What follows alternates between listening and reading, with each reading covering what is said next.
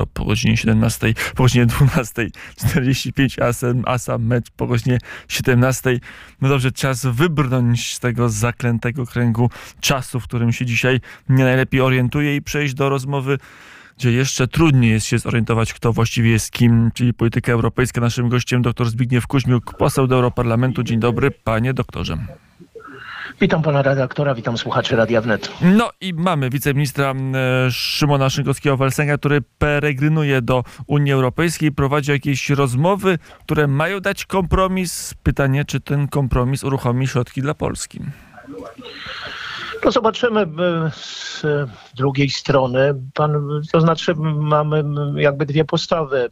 To, co prezentuje publicznie pan minister Szynkowski-Welsenk, no, jest przepojone, powiedziałbym, o, ostrożnością te jego publiczne wypowiedzi. Nie to sugerują. Natomiast z drugiej strony no, są wypowiedzi takie optymistyczne, mianowicie choćby pani Jurowej, która na początku, czy, czy po pierwszej rundzie tych rozmów napisała taki optymistyczny tekst, że wiele rzeczy zostało wyjaśnionych i przyszłość wygląda optymistycznie. Ja mówiąc szczerze, jestem bardzo ostrożnym optymistą. Było tych, tych deklaracji o tym, że, że porozumienie jest bliskie, było już bardzo dużo. E, no ale niestety postępów w tej sprawie nie mam. No, z jednej strony jesteśmy od strony technicznej gotowi, żeby wysłać ten wniosek o płatność, no tak jak zdaje się, że zostanie przesłana do, do, do Sejmu ustawa tak zwana wiatrakowa, bo to ten ostatni kamień milowy z tych rzeczy technicznych, ale powiedzmy sobie uczciwie, jeżeli nie zostanie zdjęta ta blokada polityczna, no bo to od roku jest blokada polityczna, e, no to wysłanie wniosku o, o, o płatność nie, nie, niewiele, nie, nie, niewiele da tej płatności po prostu nie będzie. Mm, ale wtedy nie będzie też kompromisu. A wydaje się, że polski rząd ten kompromis jakoś wierzy, bo jest gotowy iść na ustępstwa legislacyjne także, jakby jakby to było taka wiara, a może to nie jest wiara, że to jest konieczność, może Polska jest w takim momencie, że bez nawet nadziei na pieniądze z Unii Europejskiej trudno konstruować budżet i wydatki państwowe, panie pośle.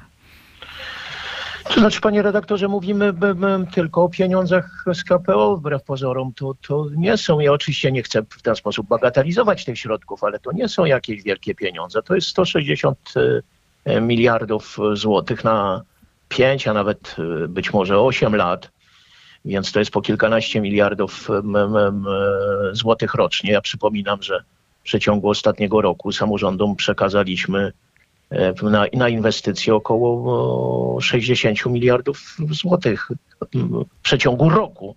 Około 60 miliardów złotych z własnych środków, więc to nie są jakieś pieniądze porażające. Natomiast one mają znaczenie makroekonomiczne w tym sensie, że no, wszystkie agencje ratingowe, instytucje międzynarodowe wystawiając wysokie rankingi Polsce, piszą gdzieś tam na, na, na dole, że no, jednak e, e, Polska nie korzysta ze środków z KPO. No i to jest pewien minus, który kładzie się cieniem na, na tej pozycji międzynarodowej Polski. I w tym sensie, i tylko w tym sensie one są ważne. To, co się mówi o, o opozycja, e, o, o tych pieniądzach, mówiąc, że one uszczęśliwią wszystko i wszystkich, no jest po prostu jakimś gigantycznym nieporozumieniem albo po prostu zwyczajną nieuczciwością. Ale może nie tyle wszystkich uszczęśliwią, ale e, pokażą, że polski rząd ma możliwości negocjacyjne, ma możliwości e, do kompromisu, poprawią polską sytuację na e, rynku handlu obligacjami chociażby. Panie, no właśnie o tym przed chwileczką mówiłem, natomiast to, że polski rząd ma możliwości negocjacyjne także w ramach Unii Europejskiej, pokazuje to porozumienie osiągnięte wbrew Niemcom dotyczące e, limitowania cen gazu. No, oczywiście ono jeszcze nie zostało przyjęte, ale jesteśmy bardzo bliscy. Ale i tak jest e, kompromisowe. Ta propozycja komisji to nie jest taką całkowitą kapitulacją Niemiec, jest pewnym kompromisem między postawą Polski i Francji, a postawą Berlina. No tak, tylko ciągle Niemcy są przeciwne. Musieliśmy zgromadzić przynajmniej 15 krajów reprezentujących 65% ludności Unii Europejskiej, żeby w ogóle ono się pojawiło, bo komisja, mówiąc precyzyjnie, pani przewodnicząca von der Leyen, mimo stanowiska Rady Europejskiej, a więc szefów rządów, tego projektu rozporządzenia nie przedstawiała dopiero. Pokazanie takiej większości no, spowodowało, że projekt pojawił się, no i wszystko wskazuje na to, że 24 na posiedzeniu Rady Unii Europejskiej Ministrów do, do Spraw Klimatu to rozporządzenie zostanie przyjęte. A właśnie, jak to wygląda w tym kontekście w tej chwili próba sił w Unii Europejskiej między Berlinem i, i, Paryżem, bo już dość głośno mówi się, że te dwie e, stolice się rozjeżdżają, że e, politykę, jaką prowadzi kanclerz Scholz, nawet padają słowa autystyczna polityka, to już bardzo mocne w języku dyplomacji, no, doprowadza do, do zmiany pewnych sojuszy w Unii Europejskiej. To znaczy, no, nie ulega wątpliwości, że kanclerz Scholz no, przejął tą spuści, spuściznę po, po Angeli Merkel i znalazł się w bardzo trudnej sytuacji. No, odcięty od tanich rosyjskich surowców, znaczy niemiecka gospodarka odcięta od tanich rosyjskich surowców i taniej siły roboczej z krajów Unii Europejskiej wygląda coraz bardziej na, na, na, na bezradną. To dane makroekonomiczne no, pokazują, że, że mimo tego, że mm, tych środków i budżetowych, pozabudżetowych wspierających gospodarkę ten kraj ma co niemiara, no bo to jest w końcu zamożny kraj, to wzrost gospodarczy jest cokolwiek symboliczny. Niemcy dopiero po trzecim kwartale i to zaledwie o 0,2% odrobiły straty swojego PKB z, sprzed COVID-u. To jest jeden z najgorszych rezultatów w całej Unii Europejskiej, zdaje się trzecie miejsce od końca, a sytuacja może być tylko, tylko gorsza. No, te surowce muszą pochodzić teraz z, z innych krajów, które już nie będą sprzedawały ich Niemcom z bardzo dużymi upustami. No i wtedy i, i, za jakiś czas będziemy mieli wiarygodny obraz konkurencyjności e, niemieckiej gospodarki, o której napisano tomy. A wszystko wskazuje na to, że, że głównym źródłem tej konkurencyjności, jeszcze raz to powtórzę, były tanie rosyjskie surowce i tania siła robocza z krajów Europy Środkowo-Wschodniej. Mm, e, panie e, pośle, panie doktorze. Na ile jest szansa, że w tej chwili e, i w kontekście gazu, ale szerzej nagle otworzy się możliwość na współpracę, na sojusz polsko-francuski? O tym się mówiło od miesięcy.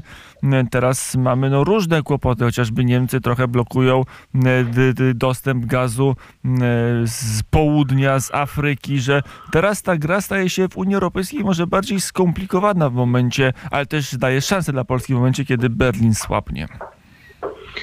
Tak, to prawda. No oczywiście ja bym tutaj w Francji nie, nie, nie przeceniał, ona ma swoje kłopoty. To trzeba uczciwie przyznać, że pomogła nam umieścić tak zwanej taksonomii energetykę jądrową, bo, bo, bo do tego momentu nikt o tym nie chciał słyszeć i w związku z tym te blokady były właśnie na poziomie komisji.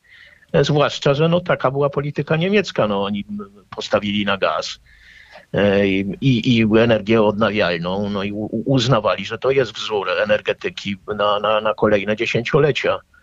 No jak Rosja nie, nie, nie, wypali, nie wypaliła, to są w panice. Natomiast e, ze względu na strukturę swojego miksu energetycznego, 70% energii w miksie energetycznym Francji to jest energia atomowa. No Francuzi chcąc modernizować chociażby swoją energetykę musieli tę taksonomię zmieniać. No i tutaj nasze interesy były wspólne i dzięki między, no przede wszystkim Francuzom, trzeba uczciwie powiedzieć, w tej taksonomii to się znalazło, co oznacza, że, że mówię o tej taksonomii, co oznacza, że, że cały ten, te międzynarodowe rynki no, będą, że tak się wyrażę, chętnie finansowały tego rodzaju przedsięwzięcia. Brak właśnie energetyki jądrowej w taksonomii oznaczałby, że że pozyskanie finansowania dla tych wielkich projektów, przed którymi my stanęliśmy, byłoby bardzo trudne, więc to jest nie lada przełom i nie ulega wątpliwości, że Francuzi bardzo nam pomogli. Oczywiście kierując się także własnym,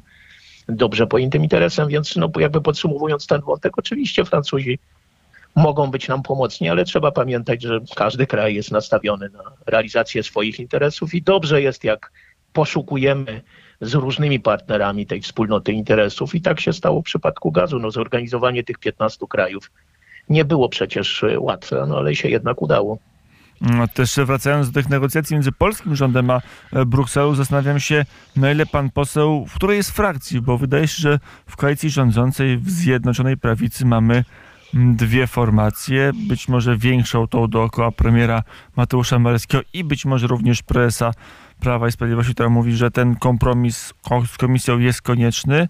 No i y, grupę do, gdzieś dookoła europosłów y, Jacka Sariusz-Wolskiego czy profesora Krasnodębskiego, którzy mówią, że to nic nie da, że kolejne ustępstwa wprowadzimy jeszcze bardziej, zanarchizujemy chociażby swój wymiar sprawiedliwości, a i tak żadnych pieniędzy nie otrzymamy.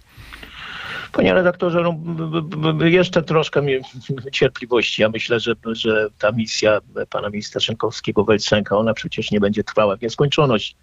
Sądzę, że, że, że horyzontem czasowym to jest koniec tego roku. Jeżeli do tego nie uda się tego porozumienia osi- osiągnąć, no to oznacza, że, że komisja zdecydowała się na, na twardą wo- wojnę z polskim rządem. No i wtedy także polski rząd będzie musiał, musiał w tej wojnie używać innego arsenału środków. Nie mamy ich zbyt dużo w tym, tym arsenale, ale jakieś mamy i nie sądzę, żeby w tej sprawie był podział. No, jeżeli tego kompromisu w przeciągu paru najbliższych tygodni nie będzie, to zapewne tego arsenału my użyjemy. To, panie pośle, na koniec, może są już jakieś jaskółki porozumienia, chociażby nominacja dla pani premier Beaty Szydło w dość ważnej, nadzwyczajnej komisji Parlamentu Europejskiego. To można z tego czytać, że coś się zmienia? Czy to tak się nie... Nie, to jest, wie pan, rozdział miejsc metodą Donta, więc, więc w związku z tym, że, No, że Polska czasami uznaje się blokowało, to różnie to bywało z tymi nominacjami. Tak, ale jeżeli chodzi o, o tego rodzaju wątki, szczególnie te, te, te, te sprawy e, Rosją i jej agresywną postawą, no to wreszcie Polskę uznaje się za, za kraj specjalizujący się w, w tej problematyce i nasi przedstawiciele są za takich ludzi uznawani, stąd jak sądzę e, brak sprzeciwu przy tej, e, przy tej nominacji, ale muszę panu powiedzieć, że stanowisko parlamentu, jeżeli chodzi o po, poglądy na, na Polskę czy Węgry, one się nie zmieniły. To jest y, po prostu, można powiedzieć, swoisty amok. Wczoraj wysłuchałem e, de, debaty dotyczącej Węgier. No, wszystkie media donoszą, że Węgry są blisko porozumienia z Komisją Europejską, a na sali plenarnej, ponieważ komisja jakby zdawała sprawozdanie, kompletny amok. Zmieniono nawet tytuł tej debaty na, na, na zdecydowanie ostrzejszy niż zaproponowali przewodniczący pa, pa, parlamentu, mówiąc, że e, jeżeli chodzi o praworządność, to żadnych negocjacji być nie może, więc większość parlamentarna jest w dalszym ciągu w amoku. Mm, powiedział dr Zbigniew Kuźniuk, poseł do tegoż właśnie Europarlamentu, Prawo i Sprawiedliwość, Europejska Frakcja Konserwatystów i Reformatorów. Panie pośle, dziękuję bardzo za rozmowę. Bardzo serdecznie dziękuję.